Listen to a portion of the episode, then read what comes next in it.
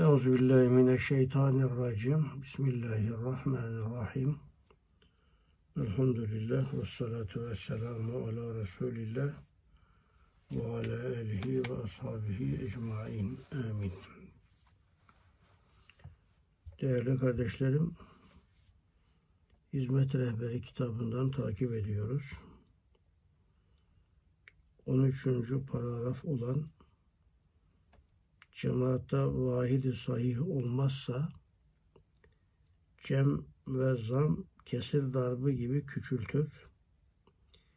İnsanlarda sıhhat ve istikamet ile vahdet olmazsa ziyadeleşmekle küçülür, bozuk olur, kıymetsiz olur. Vecize bu hakikat çekirdeklerinden bu hakikat çekirdeklerinde bulunan 73. madde idi. Geçen hafta bunun üstünde biraz durmuştuk. Burası çok önemli bir mevzu. İslam dünyasının en çok muhtaç olduğu birlik ve beraberlik mevzusu. İslam kardeşliği diyebiliriz. İttihat, İttihadı İslam diyebiliriz vahdet ruhiye diyebiliriz.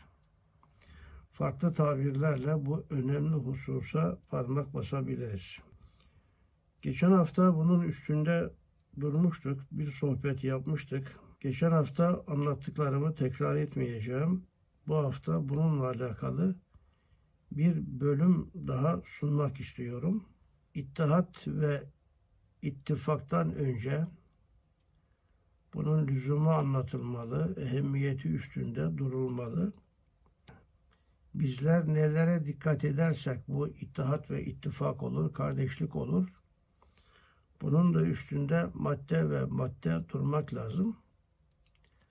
Ancak en başta niye ihtilaf ediyoruz? İhtilafın faktörleri, ihtilafın amilleri, başlığında da durmak lazım. Çünkü teşhis olmadan tedavi olamaz. Hangi sebepler, hangi şartlar var ki onlar bizim ihtilafımıza sebebiyet veriyor. Bunları tespit etmeden, önce teşhis etmeden ne kadar birlik ve beraberliğin önemini anlatsanız da yine de bu iş tutmaz. Ne kadar ittihadın faktörleri üstünde de dursanız bu iş yine e, tam arzulanan çapta yerine getirilemeyebilir. Onun için bugünkü sohbette ihtilafın faktörleri üstünde şöyle kısaca özetle bir hususu sizlerle beraber paylaşmak istiyorum. İhtilaf aslında kötü bir şey değildir. İhtilaf olacak. Zaten bugün onların üstünde duracağız. İhtilafın rahmete bakan tarafı da vardır. İftiraka, parçalanmaya, bölünmeye ve azaba dönük yönleri de vardır. 22. mektupta bu hadis-i şerifi almış üstad, Efendimiz Aleyhisselam buyuruyor ki ihtilafı ümmeti rahmetün. Ümmetimin ihtilafında rahmet vardır. Bu hususu bizi kardeş yapacak unsurlara geçtiğimiz zaman gelecek haftaki sohbette inşallah üstünde duracağız. Ama kısaca ümmetimin ihtilafında rahmet vardır demek eğer ihtilaf olursa hakikat her yönleriyle ortaya çıkar. Herkes fıtratına göre, örfüne, adetine, yaşadığı şartlara göre hakikatin içinde kalmış olur. Bir yönüyle de onu yaşamaya çalışır. Ama ihtilaf iftiraka dönüşürse, parçalanmaya, bölünmeye giderse, hele hele vuruşmaya sebebiyet verirse, işte bu da azap ender azap, bela üstüne bela, bela üstüne beladır ki bugünkü insanlık dünyası, özellikle İslam dünyası ihtilafını rahmete çevirememiş ve ihtilafını musibete, belaya, fitneye dönüştürmüş ve altında kalmış. Geri kalmamızın da ana faktörlerinden bir tanesidir. İhtilafı kendi içerisinde üç ana bölüm içerisinde ele almışlar.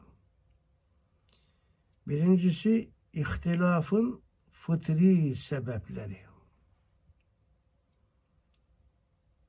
Yaratılışımızdan kaynaklanan faktörler, sebepler vardır. Bir ayeti kerime de Cenab-ı Hak bu hususa dikkat çekiyor. Rum suresi 22. ayet ve min ayatihi halkus semavati vel ard ve ihtilafu elsinetikum ve elvanikum yani semavat ve arzın yaratılması Allah'ın varlık ve birliğinin delilidir. Semavat ve arzın yaratılışında Allah'ın varlık ve birliğinin delilleri vardır. Bunlar afaki deliller. Hemen enfüsi delillere intikal ederek vaktilafu elsinetikum ve elvanikum sizin simalarınızın ayrı ayrı olmasında da renklerinizin, lisanlarınızın da ayrı ayrı olmasında Allah'ın varlık ve birliğine ait deliller vardır diyor. Üstad bu ayeti kerimeyi özellikle birinci sözün arkasına konan 14. lamadan iktibasla oraya konan Bismillahirrahmanirrahim'in altı sırrından bir sırrı olarak bu ayeti de ele almıştır. Ama insanların simaları ayrı ayrı. Hz. Adem'den kıyamet kopacağına kadar hiç kimsenin siması hiç kimseye benzemiyor. Temelde uzuvlarda ittifak var ama tam da ittifak yok, ihtilaf da var. Bugün yeni bir insan yaratılacak. Yeryüzündeki bütün insanları bir anda görmeli, bilmeli ki Hz. Adem'den kıyamet kopacağına kadar bütün insanları bir anda görmeli ve bilmeli ki yeni yaratılacak insan ondan farklı yaratılabilsin. Allah'ın varlığının delili. Keza lisanlarımız da öyle. Dünyada 8 milyara yakın insan var. Hiç kimsenin ses tonu, aksanı diğer insana benzemiyor. İlla ki bir nüans vardır. İşte insanların renkleri ve ses tonlarının ayrı ayrı olması gibi derilere ayrı hatta tüyünden bir tane saçından bir tane tüy yakalasanız onunla bile o işi yapanın kim olduğunu tespit edebiliyorsunuz. Demek saçlarımızın kılları bile ayrı, parmak izleri ayrı. Ayrıca Kan ayrı dedim. Onun için kan grupları meydana getirmişler. Aslında hiçbir insanın kanı diğer insana tam benzemez. Gruplandırmışlar. İşte bunlar gibi her insanın akli seviyesi, algılaması aynı değildir. Maneviyata bakan, tasavvufa bakan yönüyle de kalbi gelişmesi de aynı değildir. Nasıl kanlardan kan grupları meydana gelmiş, akılla anlamaktan, meseleyi kavrayabilmekten de fikir grupları meydana gelmiştir. Ve kalbi hayattan da farklı meslekler, meşrepler, mezaklar, tasavvuf cereyanları, tasavvuf cenahları, tarikatlar dediğimiz yollar meydana gelmiştir. Öncelikle ihtilafın bu realitesini kabul etmek lazımdır. Evet hiç kimse hiç diğer insanlar gibi düşünemeyecektir. Düşünmemelidir de. Zaten fıtratımız da buna müsait değildir. Çok genişletebilirdim bunu. İhtilafın fıtri sebeplerinden bu A maddesi. B maddesine gelince insanların duygularının ifrata ve tefrite müsait ve müstahit olması. Bu da ihtilafın çok önemli bir sebebidir. İnsana duygular yumağı diyebiliriz. insanda bulunan duyguların sayısı uzuvlarının sayısından fazladır. Ve insanda Allah'ın isimleri sayısınca duygular vardır. Ve bu duyguları üç ana gruba irca etmişlerdir. Kuvve-i şeheviye, kuvve-i gadabiye ve kuvve-i akliye. Şöyle de diyebiliriz, bir insanın hayatını devam ettirebilmesi için üç şeye ihtiyacı vardır. Bir, faydalı şeyleri çekmeye. İki, zararlı şeyleri terk etmeye. Üç, hangi şeyler faydalı, hangi şeyler zararlı bunları bilmeye ihtiyacı vardır. İşte faydalı şeyleri çekmeye yarayan duyguya kuvve-i şeheviye denir. Zararlı şeyleri terk etmeye yarayan duyguya kuvve-i gadabiye denir. Hangi şeyler faydalı, hangi şeyler zararlı bunları tefrik ve temyiz etmeye yarayan duyguya da kuvve-i akliye denir. Bütün bu duyguların ifratları var, tefritleri vardır. Üstad Hazretleri İşaretül İcaz'da İhtina sıratal müstakim ayetinin tefsirinde ve bir de 11. lemada galiba 10. nüktesinde bu hususun üstünde duruyor. Kuvve-i şeheviyenin ifratı ve tefriti, kadabiyenin ifrat ve tefriti, kuvve-i akliyenin ifrat ve tefriti.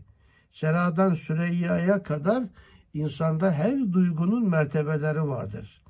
İşte her insanın duyguları da farklı farklı geliştiğinden, farklı noktalarda cereyan ettiğinden bu da ihtilafın fıtri sebeplerinden bir tanesi olarak yerini almıştır. Genişletebilirdim. İhtilafın üç sebebi var dedim. Bir tanesi fıtri sebepler. Onun da kendi içinde A ve B şıklarıyla iki bölümü olduğuna kısaca temas etmiş oldum. İhtilafın sebeplerinden ikinci ana sebebe gelince o da dini sebeplerdir. Hemen diyeceksiniz ki ya din kardeşlik istiyor. Din birlik ve beraberliği emrediyor. Vahdet ruhiye içinde bulunmamızı ısrarla emrediyor.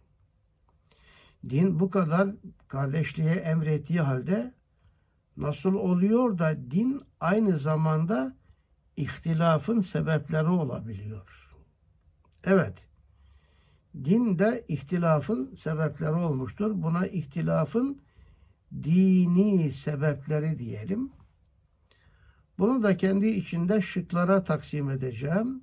Üç şıkka taksim etmem gerekiyor.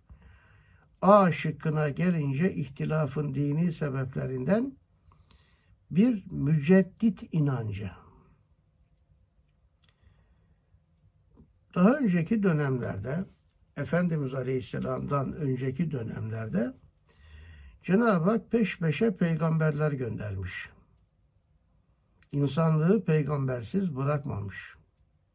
Hatta bir peygamber hayattayken Cenab-ı Hak yeni bir peygamber göndermiş. Aynı dönemde, aynı kavimde 3-4 tane peygamber vazife yapmış.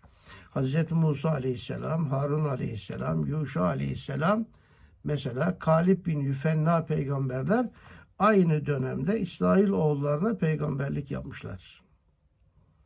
Ama Efendimiz Aleyhisselam son peygamberdir. Efendimiz Aleyhisselam'dan sonra kıyamete kadar başka peygamber gelmeyecektir. Ama asırlar geçecek. Başka peygamber de gelmeyecek ama asırlar da geçiyor. Aynı dinin içinde Cenab-ı Hak her yüz senede bir bir müceddidi din göndereceğini Efendimiz Aleyhisselatü Vesselam ifade buyurmuştur. Ebu Davud'un süneninde ve hakimin müstetrekinde gelen bir hadisi şerif var.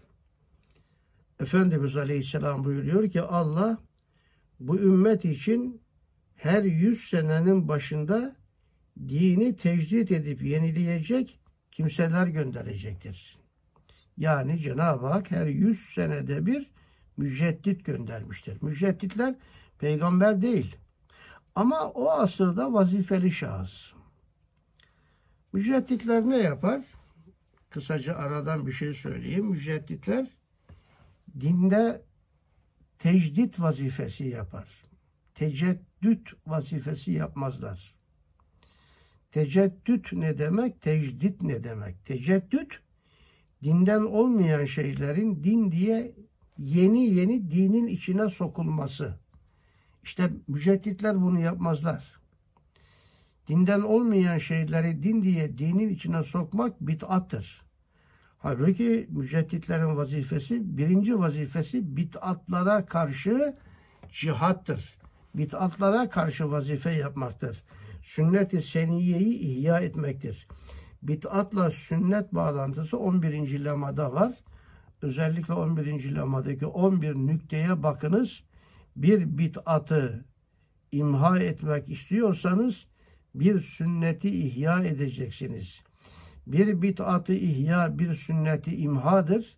Bir sünneti ihya etmek bir bid'atı imha etmek demektir. Peygamberler teceddüt yapmazlar ya tecdit yaparlar. Tecdit ne demek? Din özünden yenidir, tazedir, terü tazedir.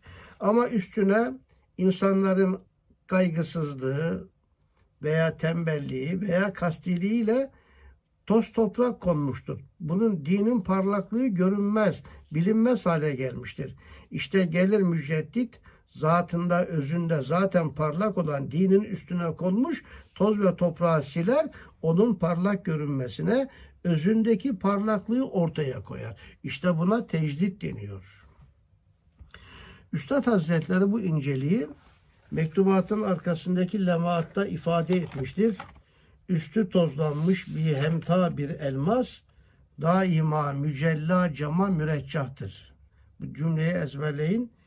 Hakikat çekirdeklerinden 54. madde. Üstü toz, tozlanmış, paslanmış bir hemta bir elmas daimi, daima mücella cama, cilalanmış cama müreccahtır. Camı her gün cam sille her gün silip parlatıyorsunuz. Parlak cam amma parlak. Bir de bir yerde elmas var ama tozlanmış. Elmas olduğu görünmüyor. Elmas olduğu görünmese de elmas her zaman parlak olan camdan daha da tercihe şayandır. İşte İslam ve Kur'an bir hemta bir elmastır. Ama asırlar, zamanlar onun üstüne toz toprak koyuyor. Özellikle muannit kafirler sistemli çalışarak zındıka üstüne toz toprak seriyor. Müceddit gelir. İslam'ın ve Kur'an'ın üstüne atılan toz toprağı siler süpürür atar. İşte bu tecdit vazifesidir. Cenab-ı Hak her yüz senede böyle bir müceddit göndereceğini Efendimiz Aleyhisselam ifade etmiş. İşte herkes dikkat buyurun kendi önünde bulunan müceddidin alnında müceddit yazmıyor ki. Onu insanlar icraatıyla tanırlar.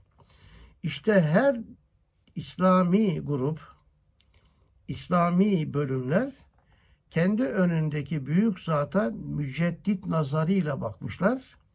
Müceddit dedikleri şahsın etrafında toplanınca farklı farklı insanlara mücedditler denince farklı farklı toplanmalar olmuş ve bu da ihtilafın dini bir sebebi olmuştur.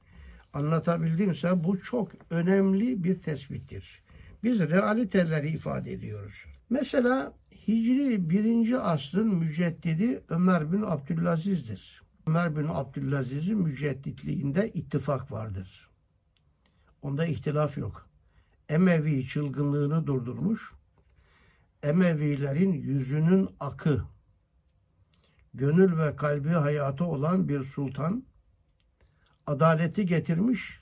Hazreti Ömer'in kızı kanalıyla Hazreti Ömer'in torunu olan Ömer bin Abdülaziz Hazreti Ömer devrine benzeyen bir devir getirmiş. Kendi devrinde binlerce alimin yetişmesine sebebiyet vermiş ve aynı zamanda gönül hayatı, kalbi hayatı, cinler bile onu görmeye müştak.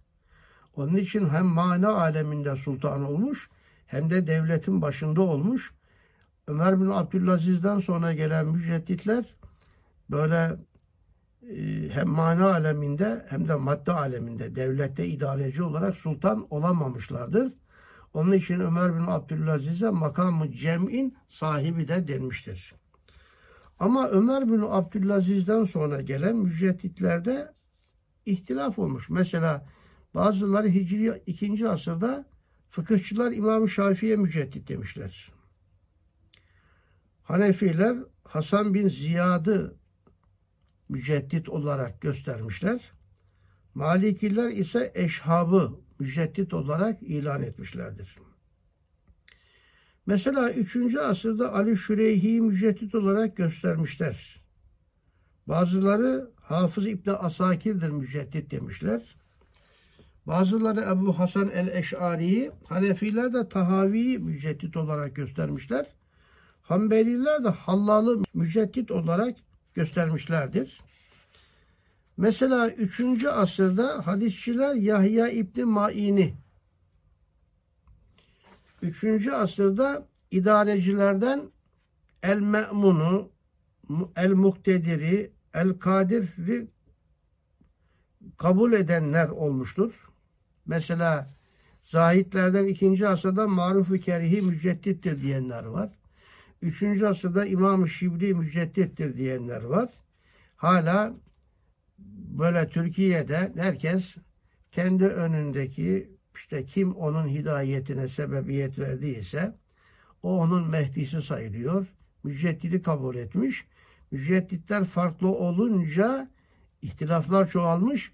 Hele sadece benimki müceddit deyip başkalarına kafir nazarıyla bakınca bu ihtilaf iftiraka dönüşmüş. Fitneler, fesatlar, kıyametin kopmaları da işte bu incelikten kaynaklanıyor. Müceddit neleri bilmeli? Hem zahiri hem batını ilimleri bilmelidir. İslamiyeti bid'atlardan temizleyip sünneti ihya edendir. İlmi yayar, ilim ehline yardımcı olur. Bid'at ehline karşı koyar ve onları zelil kılar müceddit. Müceddit bir tane olmayabilir. Her yüz senede gelecek olan müceddit her farklı bölgede mesela hadis sahasında ayrı bir müceddit, fıkıh sahasında ayrı bir müceddit, kelam sahasında ayrı bir müceddit. Mücedditler bir asırda pek çok da olabilir de bunu da kabul etmişler. Özellikle İmam Münavi Fezül Kadir'inde bu hususun üstünde genişçe durmuş. Evet, böyle her ortaya çıkan ben müceddidim diyemez. Bunlar hadis bilmeli, hafız olmalı. Yani bir müştehidin bilmesi lazım geldiği ilimleri bilmeli müceddit. Müştehit ayrı, müceddit ayrı. Müştehitlerin sayısı çok olabilir. Hiç olmayabilir de ama müştehit hangi ilimleri bilmesi gerekiyorsa müceddit de o ilimleri bilmeli. Hadis bilmeyen, fıkıh bilmeyen, Arapçanın sarfını, nahvini, belagatını bilmeyen, icma kıyası bilmeyen, nasih mensuhu bilmeyen, e, ahkam ayetlerinin veya bütün ayetlerin sebebi nuzulünü, hadislerin sebebi vürudunu bilmeyen, yüz bin hadis ezberinde olmayan bir kimse müştehit olamadığı gibi müceddit de olamaz. Bugün Türkçe okumasını bile bilemeyen hiçbir şey bilmeyenler kalkıyor o kadar da yalan söylüyor, iftira atıyor. İşte müceddit vazifeli şahıs filan. Sadece İslam'a atılan bir iftiradır bu. Ve aynı zamanda mücedditler kitap ve sünnetin emirleri nelerse onları da haliyle, fiilleriyle yaşayan insanlar olmalıdır. İhtilafın dini sebeplerinden bir müceddit inancı dedim. Buna bir ilave daha yapacağım. Bir de ahir zamanda gelecek olan son müceddit. Son müceddit Mehdi olacak. Hele bir de Mehdi işini mücedditle beraber ele alacak olursak bu ihtilafın daha da fazlalaşmasına sebebiyet veriyor. Şimdi herkes kendi önünde bulunan kimse hidayetine sebebiyet veren ona Mehdi nazarıyla bakıyor. Sadece Türkiye'de bir vilayette, küçük Anadolu'daki bir vilayette bile 30'un üstünde veya 40'ın üstünde Mehdi olduğu söylenen şahıslar olduğunu tecrübelerimle, yaşantılarımla görmüşümdür. Onun için böyle bir müceddit inancı maalesef İslam dünyasının ihtilafına ve meslek meşrep taassubuyla karşı tarafı reddetmesiyle de ihtilafın iftiraka dönüşmesine ve sonra fitneler çıkmasına sebebiyet vermiştir. İhtilafın dini sebeplerinden ikinci sebebe gelince ayet ve hadislerin farklı mana tabakalarına müsait olması, herkesin ayet ve hadisleri farklı manalardan bir tanesini seçerek ama farklı mana tabakaları oldukça fazla. Herkes farklı farklı anlayınca işte bu da ayetleri farklı farklı anlamaktan, hadis-i şerifleri farklı farklı anlamaktan meydana gelen ihtilaf olmuştur. Şurası muhakkaktir ki ayetler kendi içinde de farklı anlaşılmaya müsaittir. Keza hadisler de öyle. Ayetler bir muhkemat bir de müteşabihat olarak önce ikiye ayrılır. Alimran suresinin galiba 7. ayetinde muhkematün hünne ve uharu müteşabihat. Bazı ayetler muhkem, bazıları da müteşabihattır. Yani mücerret bazı hakikatleri biz anlayalım diye Cenab-ı Hak teşbihlerle, temsillerle anlatmıştır. Müteşabihat. Müteşabihatın kendi içinde de çeşitleri vardır. Delalet bakımından apaçık lafızlar, bir de bu şekilde açıklığa sahip olmayan lafızlar olarak müteşabihat da kendi içinde ikiye ayrılmış. Mesela Kur'an lafızları zahir, nas, müfesser, muhkem diye kendi içerisinde dörde ayrılmıştır. Açık olan lafızlar. Açık olmayan lafızlar da hafi, müşkil, mücmel, müteşabih diye sınıflara, gruplara ayrılmışlardır. Mesela ibarenin delaleti yönüyle bir manaya ya delil olması yönüyle onlar kendi içerisinde ibarenin delaleti, Nas'ın işareti, Nas'ın delaleti, iktizanın delaleti olarak kendi içinde dört gruba ayrılmıştır. Mesela lafızlar şumul bakımından da iki kısma ayrılmıştır. Am ve has, mutlak ve mukayyet lafızlar olarak. Şimdi bunların üstünde tefsir usulü bunlar. Tefsir usulü ayrıca bir vaktiniz olursa bir kitap bulup okuyun. Onun için Kur'an-ı Kerim'de bir ayetin bir tek manası yoktur.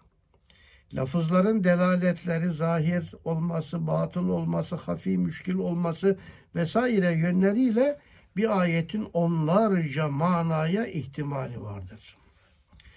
Üstadın 25. sözde dile getirdiği bir hadis-i şerif likülli ayetün zahrun ve batnun ve haddün ve liküllin şücûnin ve husunin ve fünün Efendimiz Aleyhisselam her ayeti veya hadisi de öyle bir ağaca benzetmiş. Ağacın kökleri var.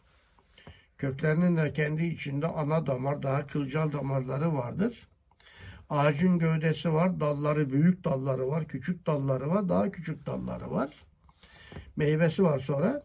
İşte bunların tenasübünden bir ağaç meydana geldiği gibi ayetlerin de kök manasında asli manaları, gövde manasında sarih manaları, dallar manasında işari manaları, daha küçük dallar manasında göz kırpma gibi manaları, meyvesi gibi bir de muhtevi olan manaları vardır. Onun için herkes kendi ilmine, kendi kültür seviyesine, kendi bölgesine ve kendi fikri veya ruhi gelişmesine göre ayetleri farklı farklı anlayacaklardır. Ve zaten ayetlerin de ruhu buna müsaittir. Ayetlerin tek manası yoktur. Kur'an ayetlerdeki lafızlar mananın kalıplarıdır. Bazen öyle bir lafız vardır ki onlarca hatta yüzlerce manası olabilir. Ben ayetten böyle anlıyorum. O da öyle anlayabilir. Bu inceliği bilmeyen halkımız ya bir cemaate gidiyorum bir ayet okuyor bu ayet bize bakıyor diyor. Bir başka cemaate gidiyorum. Onlar da aynı ayeti okuyor kendilerine baktığını söylüyor. Ya bu nasıl bir şey diyor. Olabilir. Ona da bakabilir. Ona da bakabilir. Ayetlerin farklı mana tabakaları hem fıkıh açısından, iştihat açısından böyledir. Hem tefsir açısından böyledir. Hem de mücedditlik, mücedditlerin farklı yorumları itibariyle böyledir. Hem tasavvufi mana verme yönleriyle de ayetlerin farklı mana tabakaları olur ve kıyamete kadar da olmaya devam edecektir. Mesela Kübreviye tarikatının şeyhi Necmiddin Kübra demiştir ki Kur'an-ı Kerim'de Musa Aleyhisselam ile Firavun'un mücadelesi anlatılır. Musa Aleyhisselam'dan maksat kalptir. Firavun'dan maksat nefistir. Kur'an-ı Kerim Musa Aleyhisselam ve Firavun'un şahsiyetinde bir insanın iç dünyasında bulunan kalbi hayatıyla nefsin mücahede ve mücadelesini anlatıyor demiştir. Ve hiç kimse de kalkıp ya sen niye böyle anladın diye ona itiraz da etmemişlerdir.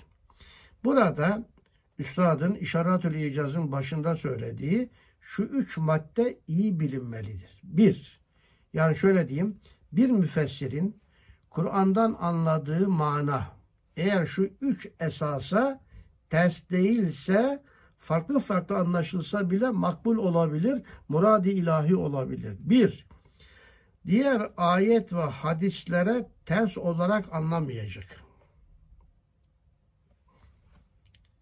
İki, Arapçanın sarfına, nahvine, belagatına uygun olarak anlayacak. Üç, dinin temel prensipleri, usulü din dediğimiz temel prensiplerine uygun olacak. Bu üç şarta uygun uyum içerisinde bir insan ayetten nasıl farklı mana anlarsa anlasın hepsi muradi ilahi olabilir ve makbuldür, doğrudur denebilir. Evet, Kur'an'ın manaları ta kıyamete kadar herkesin farklı anlayacağı şekilde devam edecektir. İmam Şafii Hazretleri der ki Allah seleften razı olsun. Kur'an adına çok şey söylemişler. Ama bizim de söyleyebileceğimiz çok şeyi bize bırakmışlar. Aynı şeyi biz de söyleyebiliriz. Bediüzzaman'a kadar, Hoca Efendi'ye kadar, son devrin ülemasına kadar herkes Kur'an'dan çok şeyler almış, anlatmış ama bizim de anlayıp farklı şekillerde anlatabileceğimiz çok şeyleri bize bırakmışlardır. Ve Elmalılı Hamdi Yazır bu inceliği bir beyitte toplar. Bikri fikri kainat çak çak oldu fakat perde-i ismette kaldı maani Kur'an henüz der. Kur'an kainatı anlatır. Kainattaki ilimler de böyle çak çak oldu. Şerha şerha oldu. Artık en inceline kadar bilinir hale geldi. Ama buna rağmen hala Kur'an bilinmez perdeleri arkasındadır diyerek Kur'an'ın kainattaki sırlardan da daha derin, muhtevası daha zengin, sırlarının da manaların da daha fazla olduğunu ifade ediyor. Aynı meseleyi hadisler içinde söyleyebiliriz. İhtilafın itikadi ihtilafında aynı Kur'an'dan farklı anlaşılmaya müsait bir sebep olduğunu söyleyebilirim. İhtilafın dini sebeplerinden bir, müceddit inancı dedim Mehdi ile beraber. İki, ayetlerin ve hadislerin farklı manalara muhtemel olması üstünde durduk.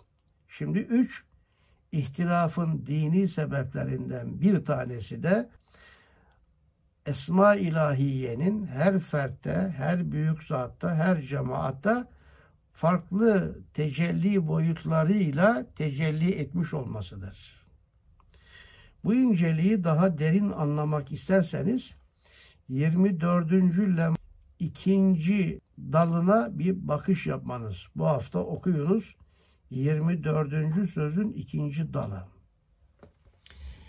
Biliyorsunuz Cenab-ı Hakk'ın isimleri var. Kur'an-ı Kerim'de 99 tane bir hadis-i şerifin ifadesiyle o hadiste de ihtilaf var ya. 99 tane eski hocalarımız derlerdi ki Tevrat'ta 300, İncil'de 300, Zebur'da 300, Kur'an'da 99. Yani 999.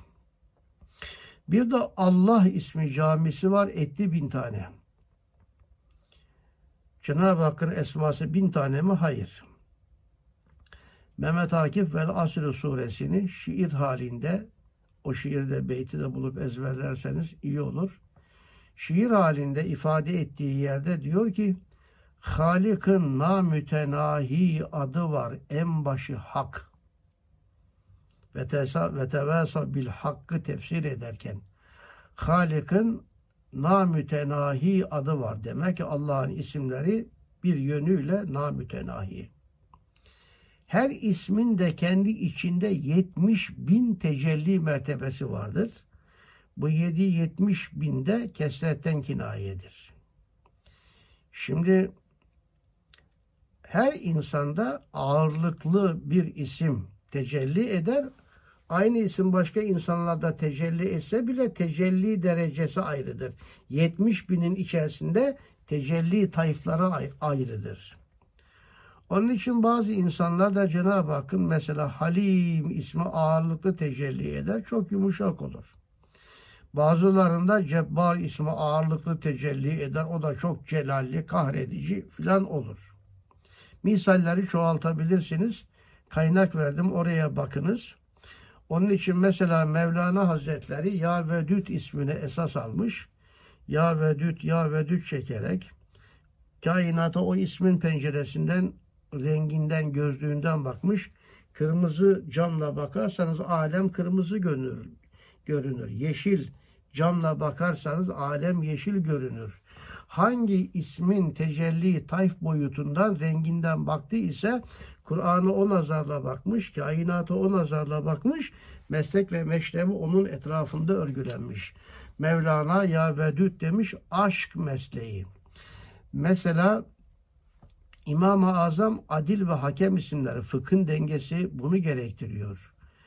Mesela Muhammed Şahın Akşibend Hazretleri Ya Baki Entel Baki Ya Baki Entel Baki demiş ve hakeza Esma ilahiyenin kendi içinde ismi has olan Allah, ismi azam olan ismi azamlar ikinci derecede, üçüncü derecede güzel isimler, dördüncü derecede sair isimler olarak hatta daha önceki peygamberler de böyledir.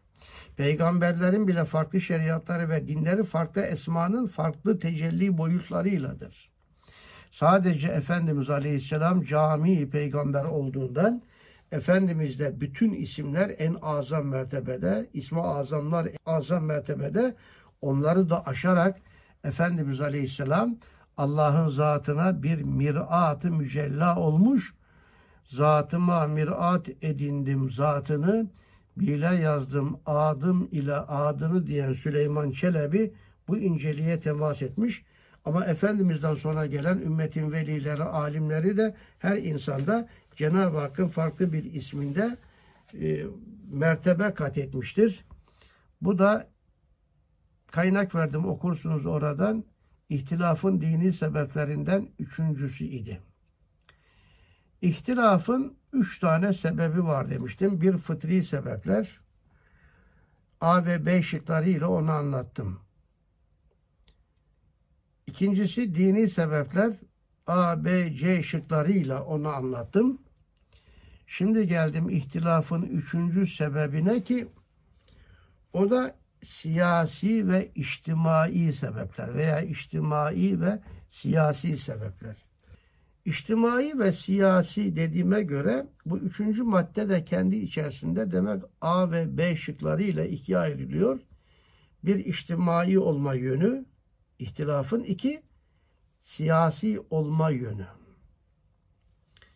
İhtilafın içtimai sebebine gelince kısaca şöyle aktarayım.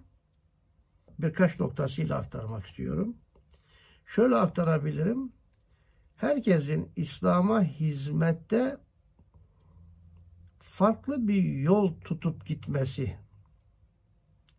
içtimai sebep bunlar. Bizler bütün Müslümanlar olarak temelde ittifak halindeyiz. Erkan-ı imaniyeye imanda, esasat-ı İslamiyeyi kabulde, dinin temel prensiplerini kabulde ittifak halindeyiz. Hedefte de ittifak halindeyiz. Çünkü bizim hedefimiz Allah'ın rızasını kazanmaktır. Bu aksadı gayet. Bunu daha önce aktarmıştım. Ama Allah'ın rızasını kazanabilmek için bir de yeryüzünde İslam adına zilletten kurtulmak lazım. İslami adına yükselmek, yücelmek, hakim olmak lazım. Hakkı kuvvet çizgisinde temsil etmek lazım. İşte buna da ahsenel gayat diyebiliriz. Ve tübellûne biha aksel gayat ve tübellûne biha ahsenel gayat. Namazlardan, farzından sonra okuduğumuz salaten tüncine duasında bunları ifade ediyoruz. Müslümanlar gayede de ittifak halindedir. Ama bu gayeye gidişte hizmetin metotlarında farklılıklar arz ediyor. İşte bu İslam'a hizmetteki farklılıklar ihtilafın içtimai sebepleri olarak yerini alıyor, ifade edebiliyoruz. Nazif Tepe Delanlıoğlu'nun Komitacılar kitabı vardır. Okuyun bulursanız kalın bir kitap. Komitacılar. Orada diyor ki eskiden gayrimüslimler özellikle batılılar bize bakmak için başlarını ne kadar kaldırsalar kaldırsalar kaldırsalar göremiyorlardı da bizim yüksekliğimizi mübalağa tarikiyle bizi görebilmek için kaşlarını kesme lüzumunu hissediyorlardı. Eskiden biz onlara göre zirvelerde, şahikalarda idik. Ama şimdi o yüce makamımızı kaybettik. Sukut ettik, indik, düştük, indik, düştük, düştük, düştük.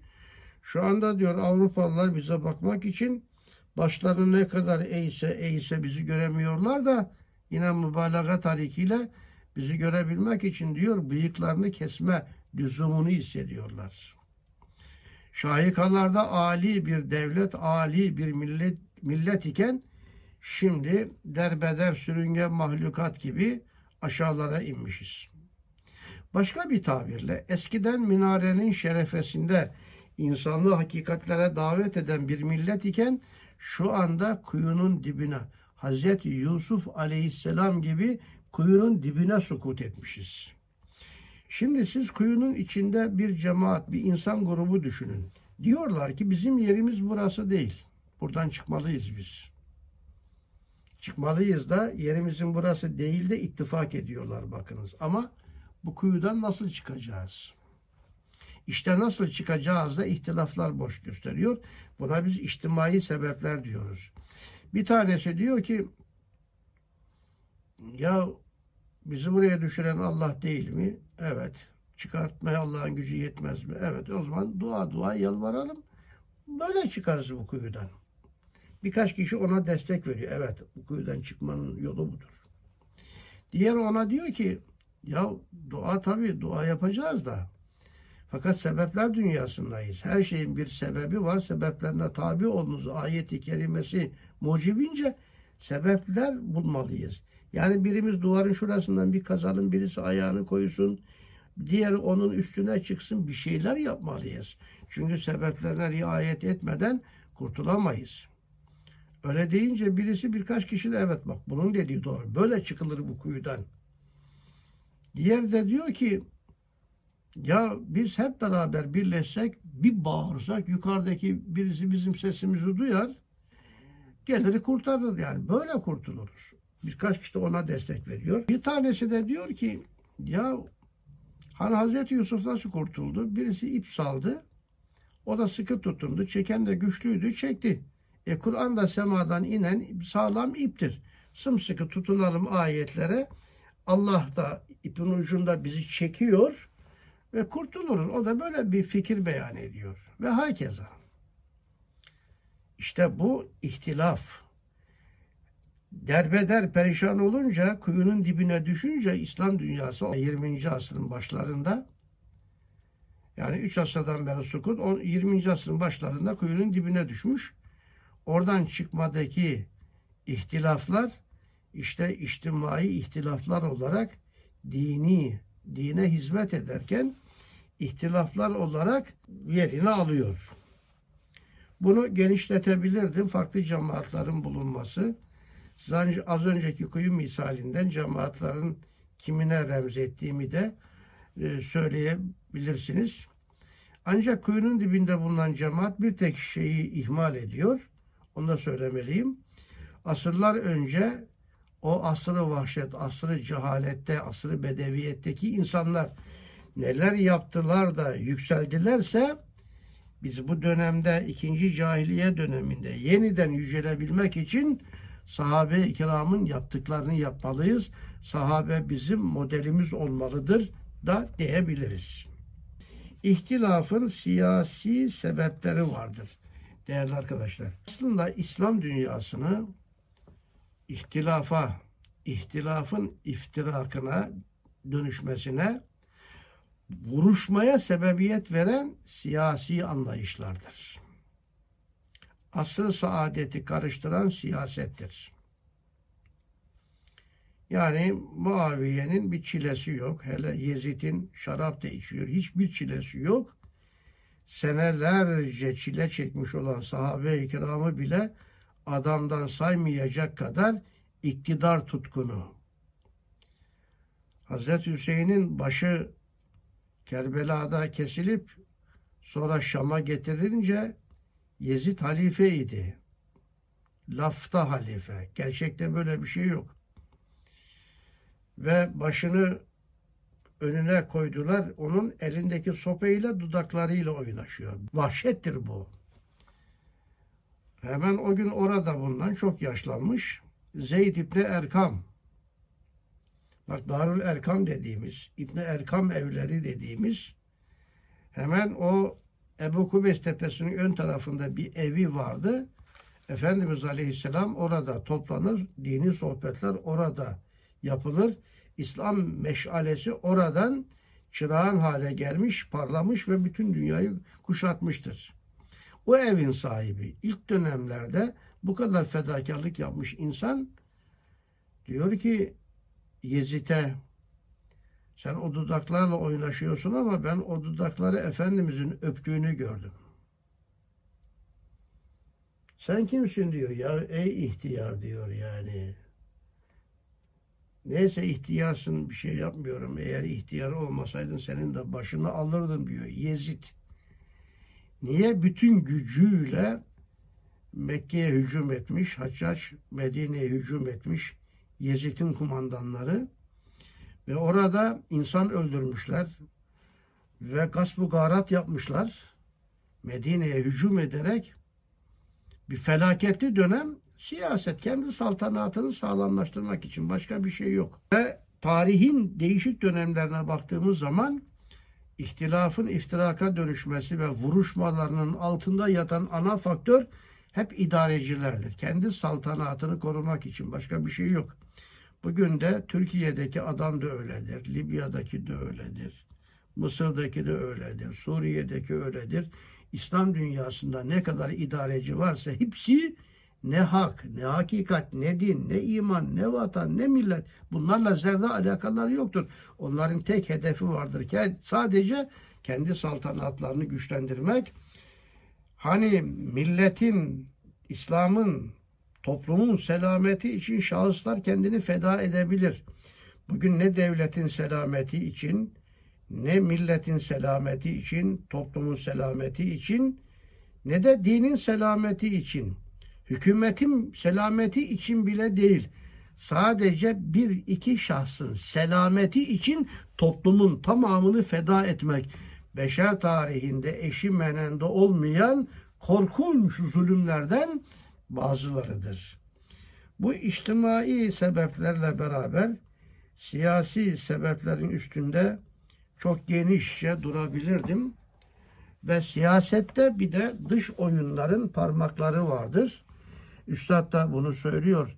Niye siyasetle meşgul olmamasını anlatırken ipin ucu ecnebilerin elinde. Kimin ucunda, ipin ucu nerede olduğu belli olmayan akıbeti meşkuk siyasete girmediğini anlatıyor. Bir misalle bu hususu tamamlayacağım. Az önce ismini zikrettiğim Ömer bin Abdülaziz parlak bir dönemdir. Yaptığı en önemli icraat Emevi çılgınlığını durdurmuştur. Emevi zulmünü bitirmiştir. Muaviye'den itibaren Ömer bin Abdülaziz'e kadar camilerde Hazreti Ali'nin aleyhinde konuşuluyordu. Bugünkü gibi aynen. Bunlar Emevilerden daha zalim, Yezid'den daha zalim, hele bundan daha zalim. Hutbede Hazreti Ali'nin aleyhinde hutbe irat ediyorlardı. Hazreti Hasan'ın ve Hazreti Hüseyin efendilerimizin de. İşte bunu kaldıran Ömer bin Abdülaziz'dir. O innallâhe ye'muru bil adli vel ihsani ve itâizil kurba ve yenhe anil fahşai vel münkeri vel bâgi ayetini getirmiş. Hazreti Ali'ye beddua etme, lanetleme yerine bu ayeti ikam etmiştir. Minberde, hutbede. Ta Ömer bin Abdülaziz'den beri hala Türkiye'de, İslam dünyasında bütün camilerde bu ayet hutbelerde e, tekrarlanır. Ömer bin Abdülaziz'in bir adetidir bu.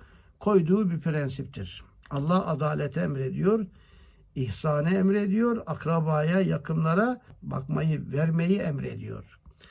Ve üç tane de yasakladığı şey var. İşte bu Ömer bin Abdülaziz devrinde binlerce dev alim yetişmiş ve bu alimler Ömer bin Abdülaziz'e saygı duymuştur. Ömer bin Abdülaziz bana saygı duyun dememiştir. Millet severek ona saygı duymuştur alimler. Alimlerle amirlerin en zirvede barışık olduğu dönemler milletin en zirve yükseldiği dönemlerdir. Eğer alimlerle amirler arasında bir tezat varsa o gerileme dönemi olmuştur. Bugün adam bütün alimlere düşman, üniversite hocalarına düşman, bilginlere düşman, gerileme dönemi. Ömer bin Abdülaziz kendi devrindeki alimlerden bir tanesi olan İmam-ı Şabi Hazretlerini İmam-ı Şafii demedim, İmam-ı Şabi. İmam-ı Şabi dev bir alimdir. Diyor ki benim hayatımda en çok cahil olduğum saha şiir sahasıdır. Ben şiiri fazla bilmem. Ama okuduğum beyti tekrar etmemek kaydı şartıyla diyor size bir ay şiir okurum. Cahil olduğu sahada bir ay şiir okurmuş. Cahil olduğu saha bu. Varsan ötesine hesap et. İşte bu İmam-ı Şabii'yi Ömer bin Abdülaziz Bizans'a elçi olarak gönderiyor. Bir mektup yazıyor. Mektubuyla Bizans kralına gönderiyor. Bizans kralı mektubu alıyor. İmam-ı Şabii'yi ağırlıyor. Dönerken de iki mektup veriyor ona. Bu mektupları diyor Ömer bin Abdülaziz'e ver.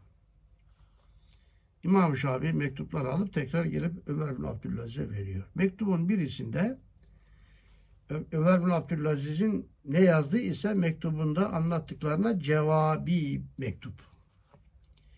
Diğer ikinci mektupta ise şu yazıyor. Diyor ki ey Ömer bana bir elçi göndermişsin ki vallahi çok zeki gerçekten ilim adamı. Biraz konuştum onunla. Deştim senin makamına göz dikmiş. Dikkat et diyor ve elçine dikkat et diyor. Aman ha makamına geçmesin. İşte buna benzer şeyler yazıyor. Halbuki İmam Şabi ile böyle bir şey konuşmamış o adam. İmam Şabi öyle bir şey dememiş. İmam Şabi'nin Ömer bin Abdülaziz'in makamında gözü de yok. Ona saygısı var. Emrine itaaten alim olmasına rağmen elçilik yapıyor. Fakat zındık adam, ecnebi adam öyle diyerek acaba onları birbirlerine düşürebilir miyim? Birbirleriyle vuruşturabilir miyim? Parçalayıp bölebilir miyim? Gayreti içinde bulunuyor. Şu anda ipin ucu kim bilir kimlerin elinde, kim bilir kimleri kimlere karşı kullanıyorlar. İşte siyaset bu. Makamını müdafaa etmek için, muhafaza etmek için makamındaki gelirlerini, maaşlarını, saltanatını devam ettirmek için ne kadar zulmedebiliyorsa zulmediyor, ajanları kullanıyor, hainleri kullanıyor ve bu da İslam dünyasının ihtilafının siyasi sebepleri olarak ifade edilebilir. Bunlar çok önemli hususlardı. Özetle iskeletine dikkat çektim arkadaşlar bugün. İhtilafın sebeplerine. İnşallah gelecek haftaki sohbette de bu ihtilafın sebeplerine, şartlarına rağmen Allah Celle Celaluhu bizden birlik ve beraberlik, ittihat, kardeşlik istiyor. Özellikle bu cemaatin artık ittihat ve ittifakına çok riayet etmesi lazım. Birlik ve beraberliğin, ittihadın lüzumu üstünde duracağım inşallah gelecek hafta. Ondan sonraki haftada nelere dikkat edersek bu birlik ve beraberlik olabilir. Demek ki bu mevzuda iki sohbet daha yapacağız. Buradaki okuduğumuz geçen haftaki paragraf. Cemaatta vahidi sahih olmazsa cem ve zam kesir darbı gibi küçültür. İnsanlarda sıhhat ve istikamet ile vahdet olmazsa ziyadeleşmekle küçülür, bozuk olur, kıymetsiz olur cümlesini demek ki dört sohbet yapmış olacağız. Cenab-ı Hak bu ince hususları derin derin anlamaya, şuur ve basiret haline getirmeye ve anladıklarımızı yaşamaya muvaffak kılsın. Amin. Bi hurmeti seyyidil murselin velhamdülillahi rabbil alemin.